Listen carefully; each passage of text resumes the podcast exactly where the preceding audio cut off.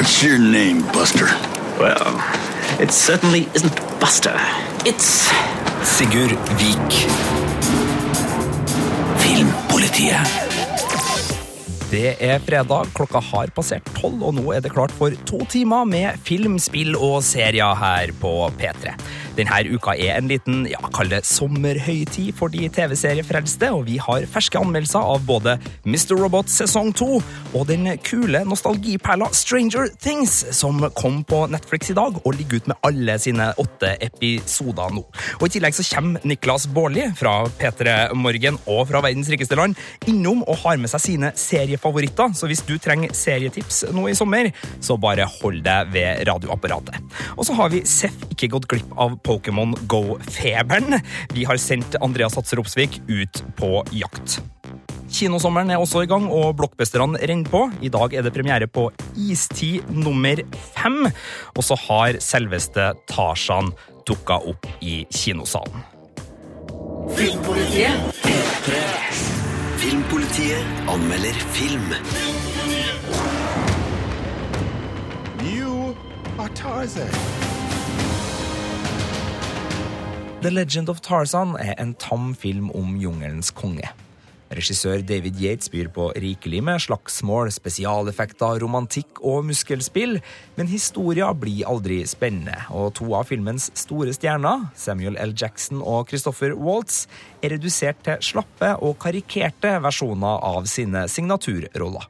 Som underholdningsfilm holder den seg lenge flytende pga. et høyt tempo, men actioneventyret synker til slutt i en spektakulært dårlig sisteakt, hvor effekter og usannsynligheter slåss om å rive meg ut av fiksjonsuniverset. He's Tarzan. You're Jane. He'll come for you. Tarzan, spilt av Alexander Skarsgård, er, som vanlig, jungelens konge, oppdratt av aper og kjæreste med Jane. Når vi møter muskelbunten, er han tilbake på sitt gods i England som den adelige John Clayton, men på invitasjon fra den grådige kong Leopold, Belgias monark og koloniherre over Kongo, reiser Tarzan og Jane tilbake til Afrika. Belgierne har skumle hensikter, og Tarzan må raskt kjempe mot både gamle og nye fiender i jungelen. Det blir en hesblesende actiontur hvor Skarsgård får flekse seg gjennom de fleste av Tarzan-mytene. Det inkluderer svimlende tresvinging, et oppgjør med gamle apevenner og en god dose neveslagsmål. Alexander Skarsgård gjør en grei jobb med den fysisk krevende Tarzan-rollen. Men han får ikke lov til å legge mange nyanser i den gjennomført gode og handlekraftige mannen. Dette er ikke en film som tar seg tid til karakterutvikling og dramatisk oppbygging. Til og med et tilsynelatende emosjonelt oppgjør med en gammel venn reduseres til et svulstig og overdrevent slagsmål. He is no normal man.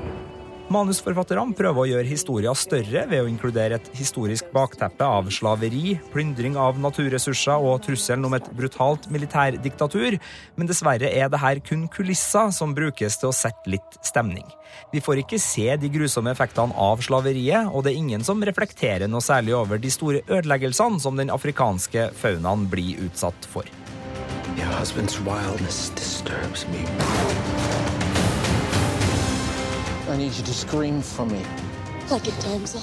En del av filmens budsjett har blitt brukt til imponerende effekt. Spesielt den første delen av Tarzans jungeljakt er kreativ og svimlende god lianemoro.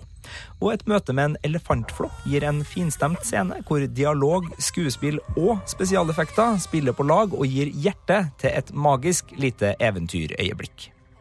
Dessverre er det altfor få av dem her i The Legend of Tarzan. Dette er en film som ofrer stemning og innlevelse for pompøse actionsekvenser, og når verken skurken, vitsene eller spenningskurva er av forventa Hollywood-kvalitet, så havner denne Tarzan-filmatiseringa langt unna legendestatus. Terningkast tre. Filmpolitiet. På P3. Filmpolitiet anmelder TV-serie. Something is coming. Something hungry for blood. What is it? The Demogorgon! We're deep shit. Stranger Things er en serie som oser av referanser til 80-tallets familievennlige spenningsfilmer, og som klarer å høste den tjukke nostalgitåka til en stemningsfull og sår mysterieserie. Med noen herlige rollefigurer, et knakende godt soundtrack og en lekker fargepalett har brødrene Matt og Ross Duffer skapt en kul verden, hvor tema som vennskap og det å miste et barn behandles både lunt og brutalt. 99 out of 100 times kid goes missing, the kid is with a parent or a relative. What about the other time? What? You said 99 out of 100. What about the other time? The one! Året er 1983, og etter en real runde med rollespill i kjellerstua, så må firerbanden Mike, Dustin, Lucas og Will bryte opp for kvelden. Men bare tre av guttene legger seg i egen seng den natta. På veien hjem forsvinner nemlig Will sporløst, og i de neste dagene og ukene er mor, venner og politikorpset i den lille småbyen Hawkins, Indiana, på leiting. Mamma Joyce er overbevist om at hun kan høre sin sønn kommunisere gjennom elektriske forstyrrelser, mens guttene tyr til sin kule vitenskapslærer på skolen for å sjekke noen av sine teorier rundt forsvinninga. You're in trouble, aren't you?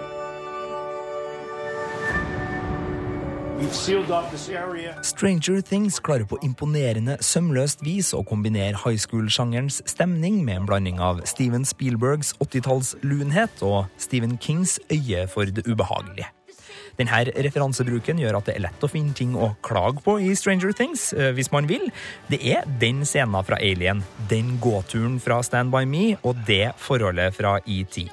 Serien er et lappeteppe av kjente handlingstråder og scener, men brødrene Duffer legger på ingen måte skjul på sine inspirasjonskilder. De klarer å få de her brikkene til å smelte sammen til noe større enn sine respektive referanser. Her veves vitenskap, populærkultur og det overnaturlige sammen av en usynlig tråd som glimtvis lar snev av et større tematisk alvor skinne igjennom.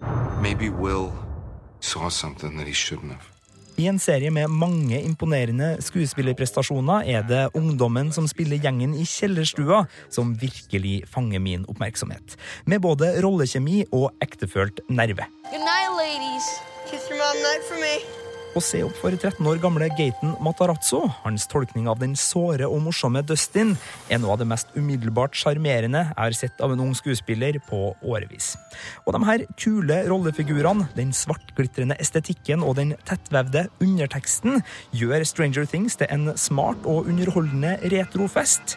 Har du ei kjellerstue, så slå av taklampa og se serien der. Terningkast fem. Filmpolitiet. Does that sound good to you? På P3. I sommer så skal vi i Filmpolitiet få hjelp med TV-serietipsene. Vi har gode kollegaer i P3 som er veldig glad i å sitte og se på TV. Niklas Baarli, kjent fra verdens rikeste land på radio. Kaller du meg verdens... tjukk? Nei. Kaller du meg tjukk? Du er Nei. veldig glad i å sitte og se på TV? Nei, Det er ikke- tjukkasuttrykk. Er det det? Ja, det er greit, det. Altså, men, ikke, Det er greit.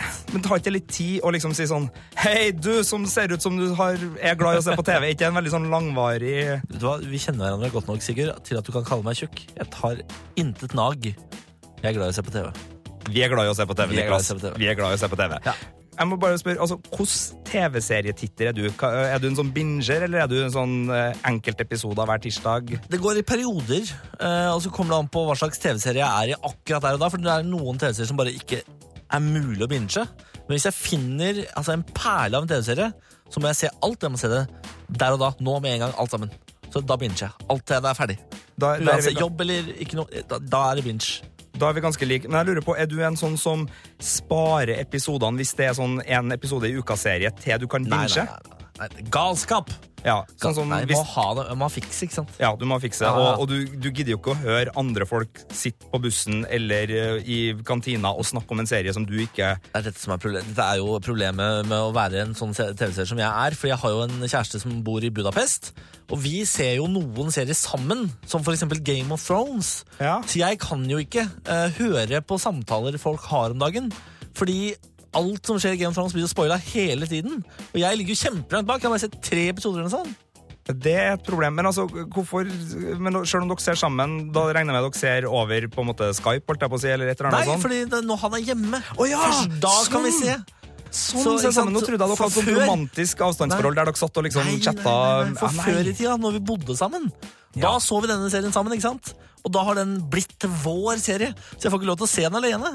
Og hvis du møter en eh, person som har spoila for deg på gata, hva Jeg gjør du? slår rett ned. Ja, det var rett ned. Rett ned, det var det jeg tenkte. Eh, Hva var den første serien du ble sånn skikkelig storfan av? Hotell Cæsar.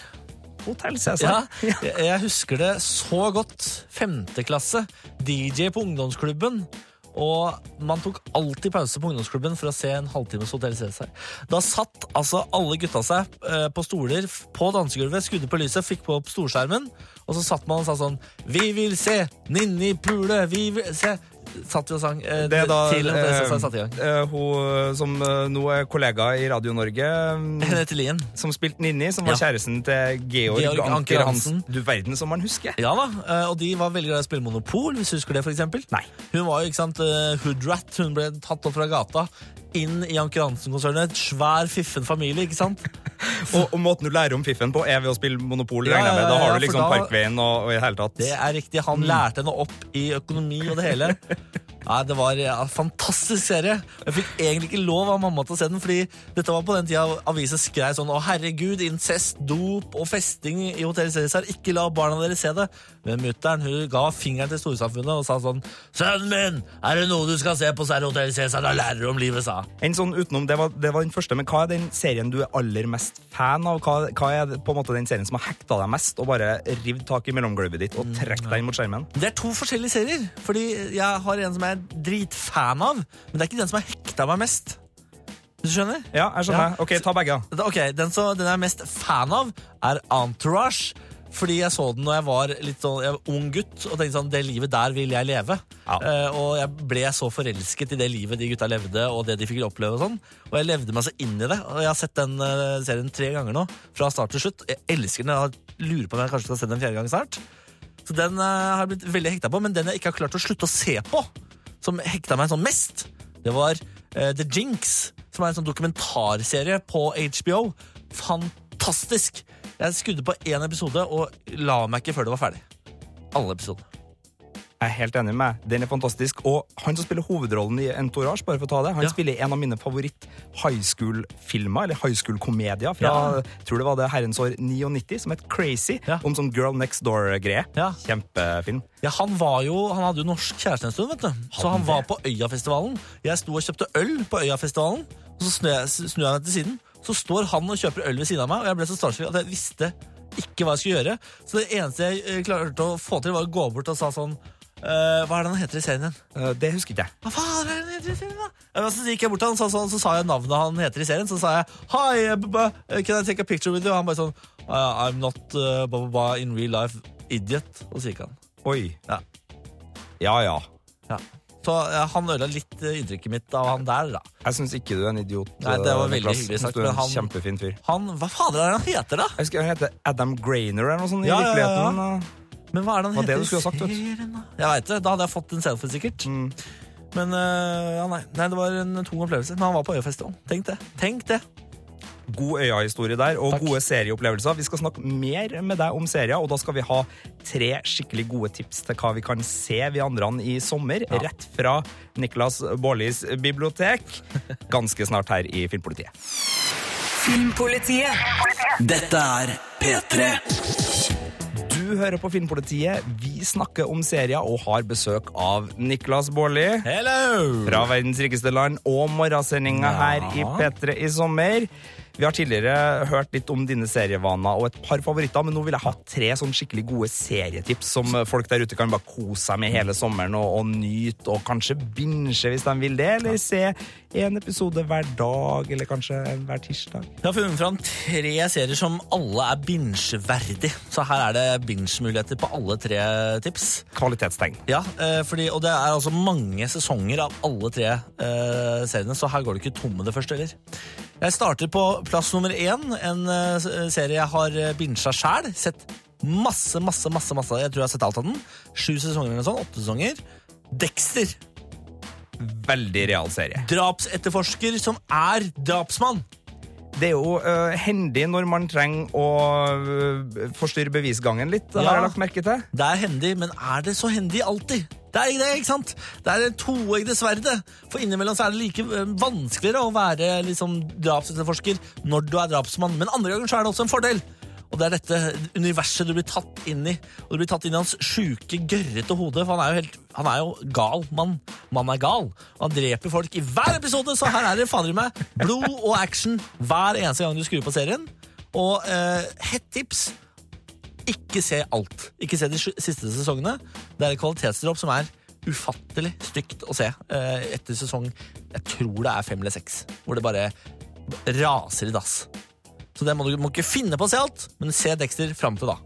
Det, det er den beste Gladpack-serien. Altså, det er ganske mye sånn uh, folie. Oh, ja, det er Eh, folie, den er fin. Og veldig fin vignett. Og vi, åh, Åh, når det går i sakte film der, og det er eh, altså, en sånn detaljnivå på den eh, vignetten Er det ekte, eller tror du det er animert?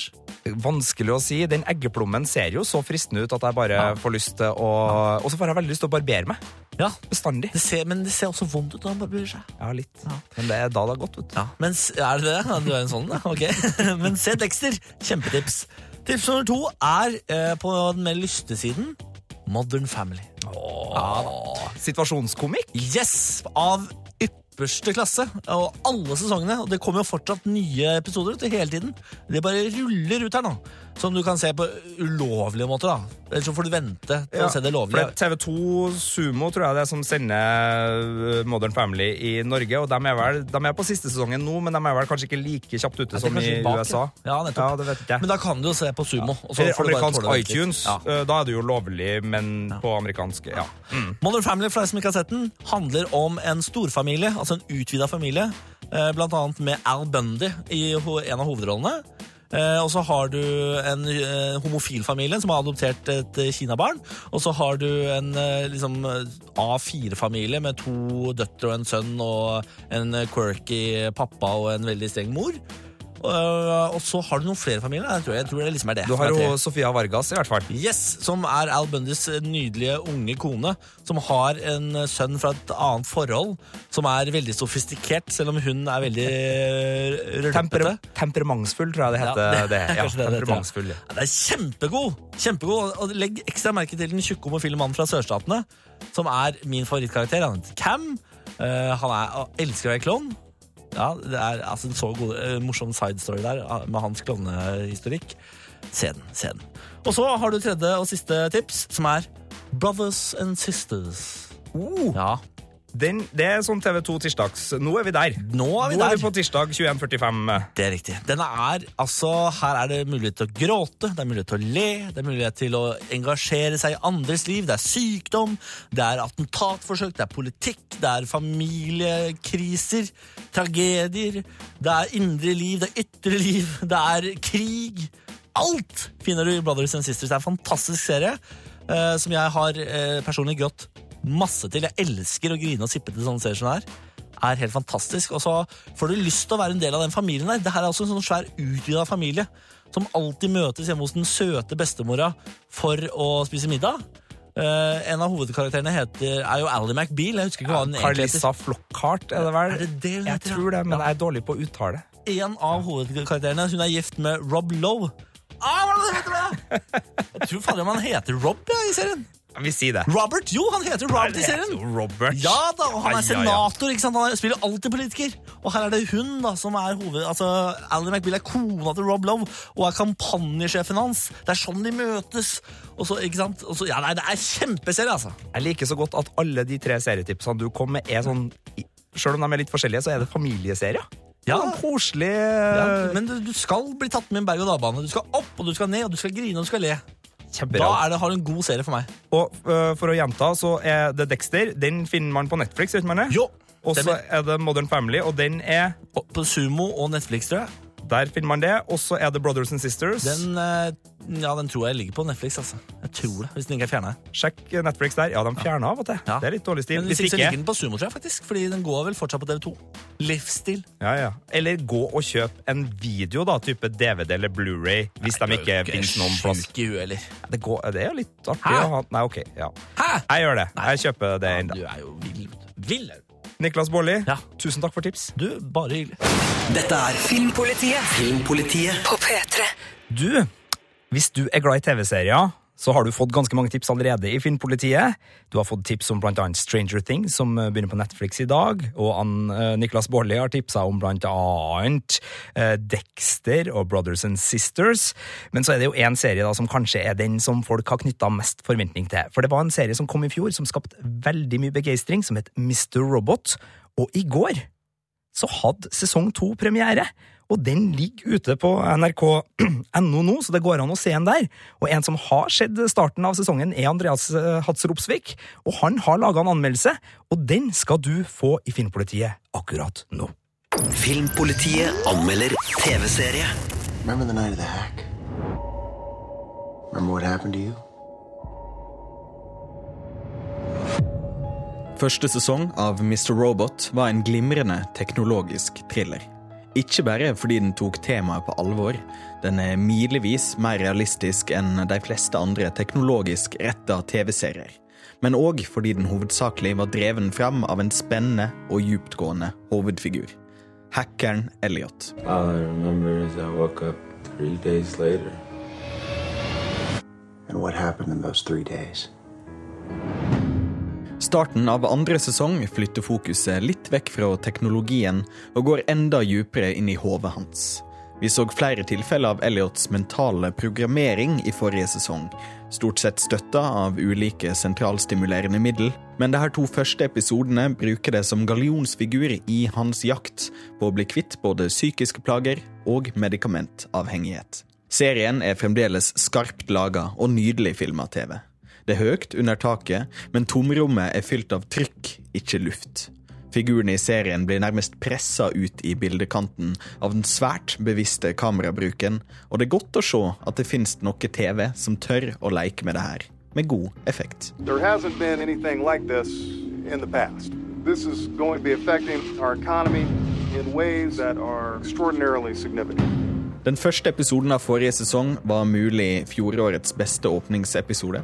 All informasjonen den fikk pakka inn i én time, uten å kjennes overfylt og forhasta, var makeløs. Mannen bak det her er Sam Esmail, som har monsterjobben med å både skrive alle og regissere flere av episodene.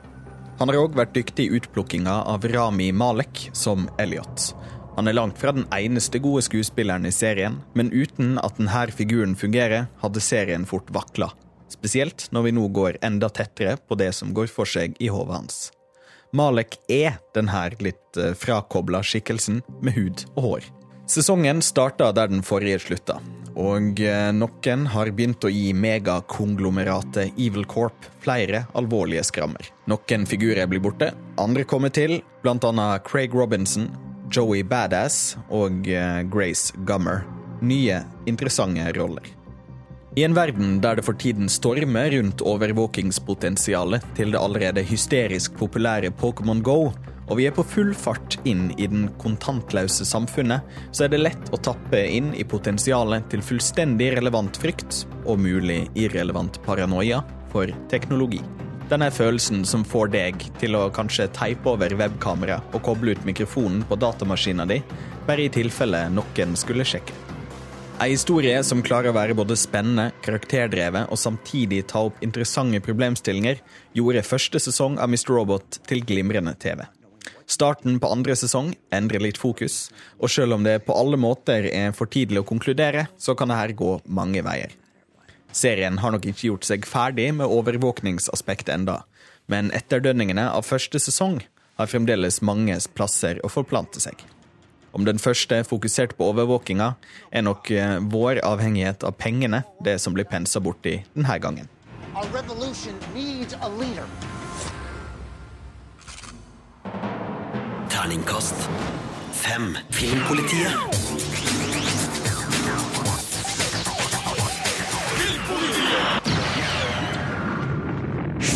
Filmpolitiet anmelder film. Å, hallo, pattedyr!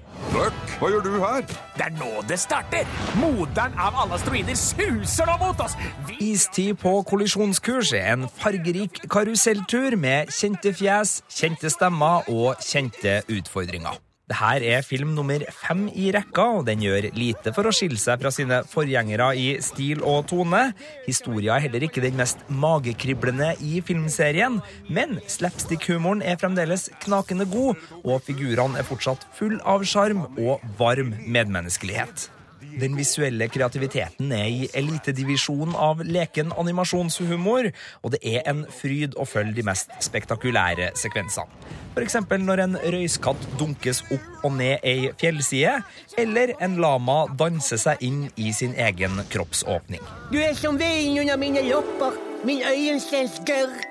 Vil du bli min elskede kone? Mm. Nei, jeg slår opp med deg. Og forresten ser du overhodet ikke ut som profilbildet ditt. Plottet i Istid nummer fem er Armageddon i slapstick-versjon. Etter at en rekke mindre meteorer skaper ødeleggelser på jorda, oppdager røyskatta Buck en profeti skrevet i noen gamle steinplater som viser at en asteroide er på vei mot planeten vår. Buck får tak i resten av gjengen, og sammen setter de ut på en reise for å prøve å redde sin sivilisasjon. Nå er det nok. Gledesdreper! Nå kommer det! Fort! Fort! Kom dere inn i hula! Dette er en animasjonsfilm det er fint å se på. Bakgrunnene skaper stemningsfulle kulisser som tidvis utnyttes fysikksmart på beste tegnefilmvis. Spesielt leken med meteorene sin magnetiske kraft og en elektrisk storm brukes oppfinnsomt og vakkert. Og en ny krystalldekt verden skaper et fargespill som fenger i kinomørket. Det nøtteglade og tannsterke ekornet Scrat er også med på leken denne gangen. Han har fått et viktig, men avsidesliggende sidespor i historia, og er plassert ute i verdensrommet. Her lekes det både med sci-fi-mytologi og gravitasjon for å gi nytt liv til nøttejakten. Ja da, den vitsen er slitt nå. Vi vet alle hva som skjer, men jeg flirer likevel. De norske stemmene kommer fra en solid gjeng. Otto Jespersen og Linn Skåber har god kontroll på den lune, gode tonen mellom mammutparet Manni og Ellie, og Åsleik Engmark er kjapp og referansesterk som røyskatta Buck. Se her, pattedyr! Ei smakebit fra asteroida som kjem. En romstein rykende fersk fra kosmos. Dette er ikke en film du bare må se. Latterbrølene står ikke i kø, og hvis du er av typen som kjente at fire filmer var nok med Sid og gjengen, så er det jo bare å hoppe over den her. Men hvis du liker kjemien mellom de pelskledde pattedyrene, og du er klar for nok et barnevennlig iseventyr, så serveres det sånn cirka akkurat det du forventer i Istid 5 på kollisjonskurs. Det derimot er en bæsj. Terningkast fire. Filmpolitiet! Filmpolitiet På P3. Filmpolitiet anmelder spill.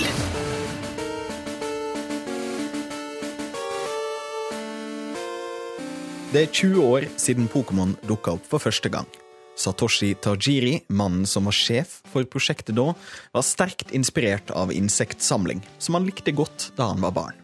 Følelsen innkapsla han i Pokémon Red og Pokémon Blue, som dukka opp i 1996. Nå er Pokémon Go her, som slutter sirkelen Tajiri starta på. Endelig kan spillerne gå fysisk ut i parken og samle insektene hans, de 151 originale Pokémon Pocket Monsters, i den virkelige verden.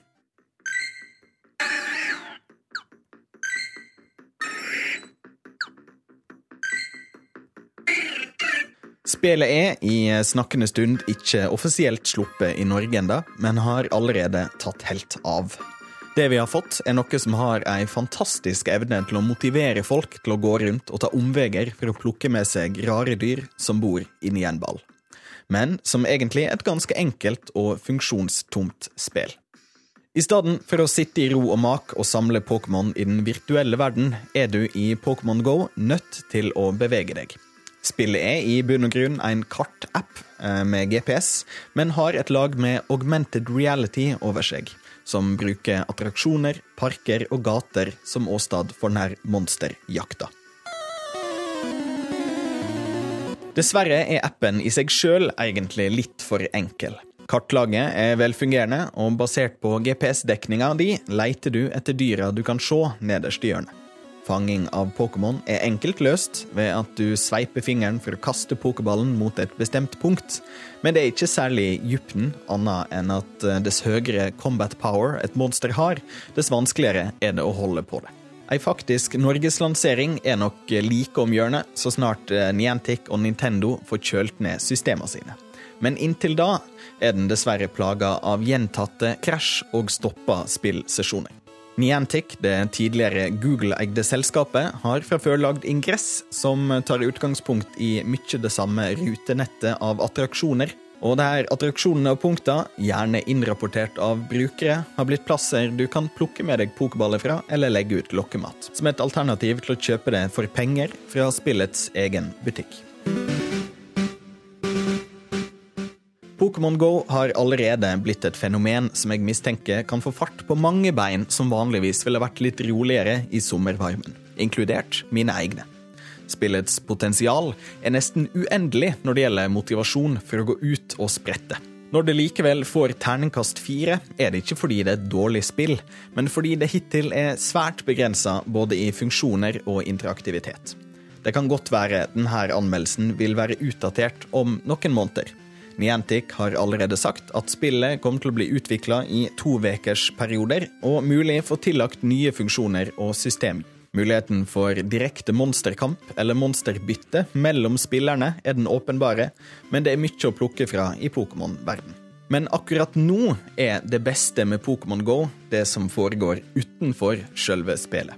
At venner og fremmede møtes, går tur og preiker om Pokémon.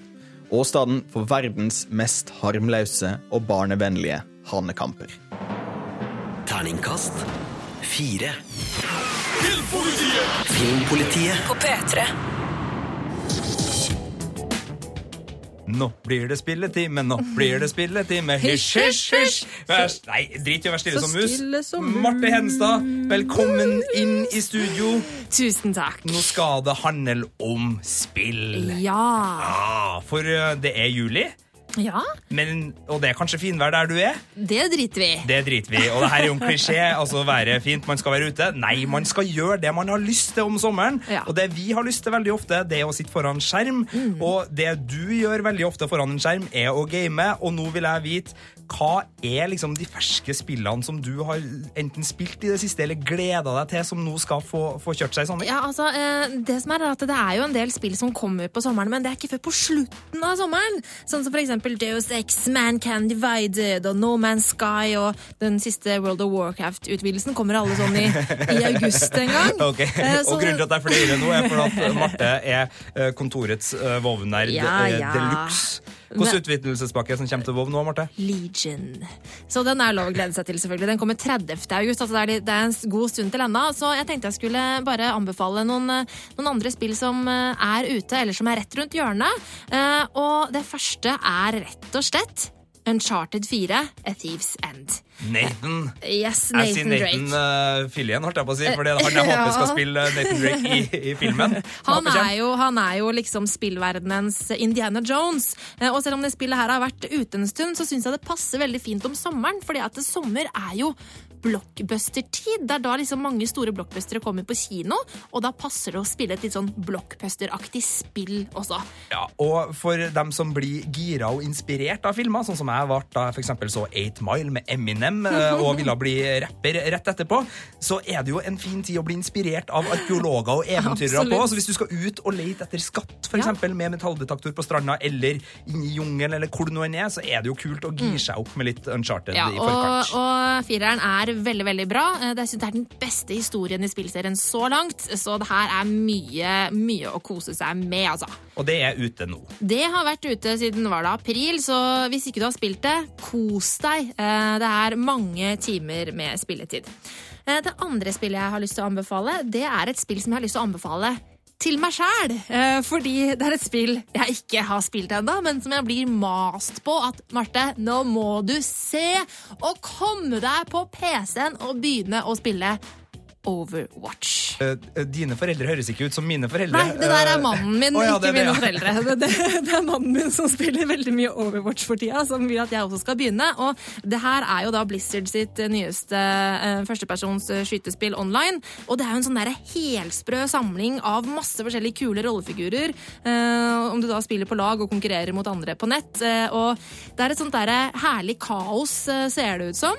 og det fikk jo terningkast seks av vår anmelder Andreas Hatzel Opsvik i Filmpolitiet eh, tidligere i vår. Sånn at eh, eh, jeg må bare se og få begynt å spille Overwatch. Det ser så gøyalt ut. Det er en real filmpolitianbefaling. Jeg syns Mm. det ser eh, så fargerikt ut at jeg får bare lyst til å sprudle av glede når jeg ser eh, bilder og stills fra det, det spillet Ikke der. sant? Ja, Det ser helt fantastisk ut. Det kom jo i mai, og jeg har ennå ikke spilt det. Så eh, når jeg får Shame! litt tid på sommeren nå Shame! Shame! Ja, jeg må bare sette i gang. Jeg må bare sette i gang.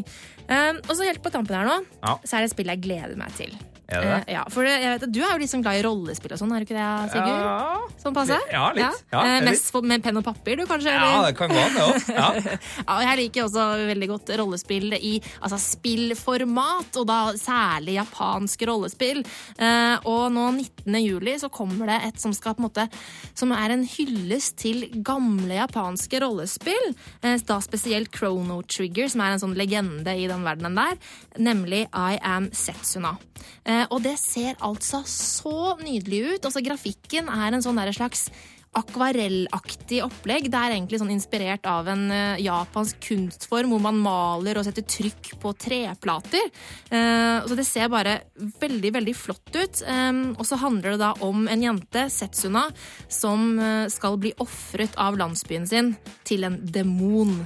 Eh, og eh, det høres jo litt sånn trist ut, men det ser veldig spennende og så, ut. Og så spiller man da tre figurer, Setsuna og de to vaktene som skal passe på henne. Det kommer 19. juli. Jeg gleder meg stort.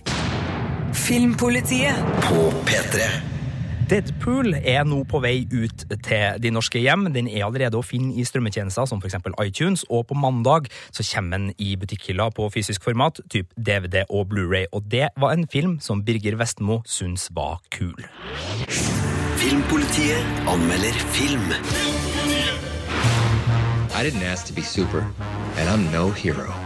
But when you find out your worst enemy is after your best girl, the time has come to be a fucking superhero. Man skulle tro at det her tiårets ørtende Marvel-film kanskje kunne tenkes å vise tegn til slitasje på hele tegneseriehelt til filmkonseptet, men den gang ei. Deadpool viser seg nemlig å være et friskt pust med bitende sjangersatire, grov vold og høyst politisk ukorrekt humor. Ryan Reynolds får mye rom til å leke i hovedrollen, bryter gjerne fjerdeveggen til publikum og vitser til og med om seg sjøl. Det her er med på å gjøre Deadpool til en leken actionfilm som har alle de bombastiske virkemidlene som kjennetegner Marvel-filmene, men òg et mer voksent innhold som kler det her universet forbausende godt. I never say this, but don't swallow. Vi blir introdusert for Deadpool, spilt av Ryan Reynolds, midt i en blodig og eksplosiv kamp mot skurken Ajax, spilt av Ed Scrain, og hans håndlangere på en motorvei. Men handlinga spoler så tilbake til da han var Wade, og lykkelig forelska i Vanessa, spilt av Morena Baccarin. Sykdom tvinger han til å akseptere et mystisk tilbud om å gå gjennom en knallhard mutasjonsprosess. Det her redder livet hans, men ødelegger hans gode utseende. Og nå er Deadpool lysten på hevn over mannen som står bak, nemlig Ajax. You you like. Allerede i åpninga settes stemninga for en humørfylt og uortodoks heltefilm. Sjøl fortekstene er morsomme.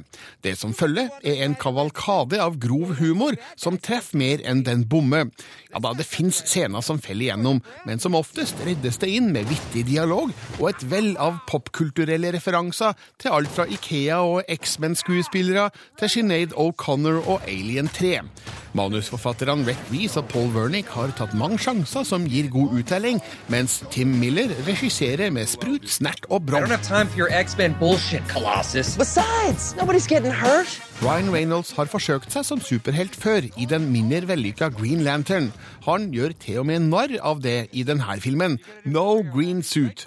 han lykkes langt bedre som Wade slash Deadpool, en lite sjølhøytidelig figur med smittende humør og et mørkt syn på livet som er mistenkelig lyst. Han er en veldig morsom figur og stift bekjentskap med. Ulempen ved det her er at historiens emosjonelle kjerne aldri blir spesielt kraftfull. Forholdet til Vanessa står i sentrum, men det virker aldri som om det står så veldig mye på spill.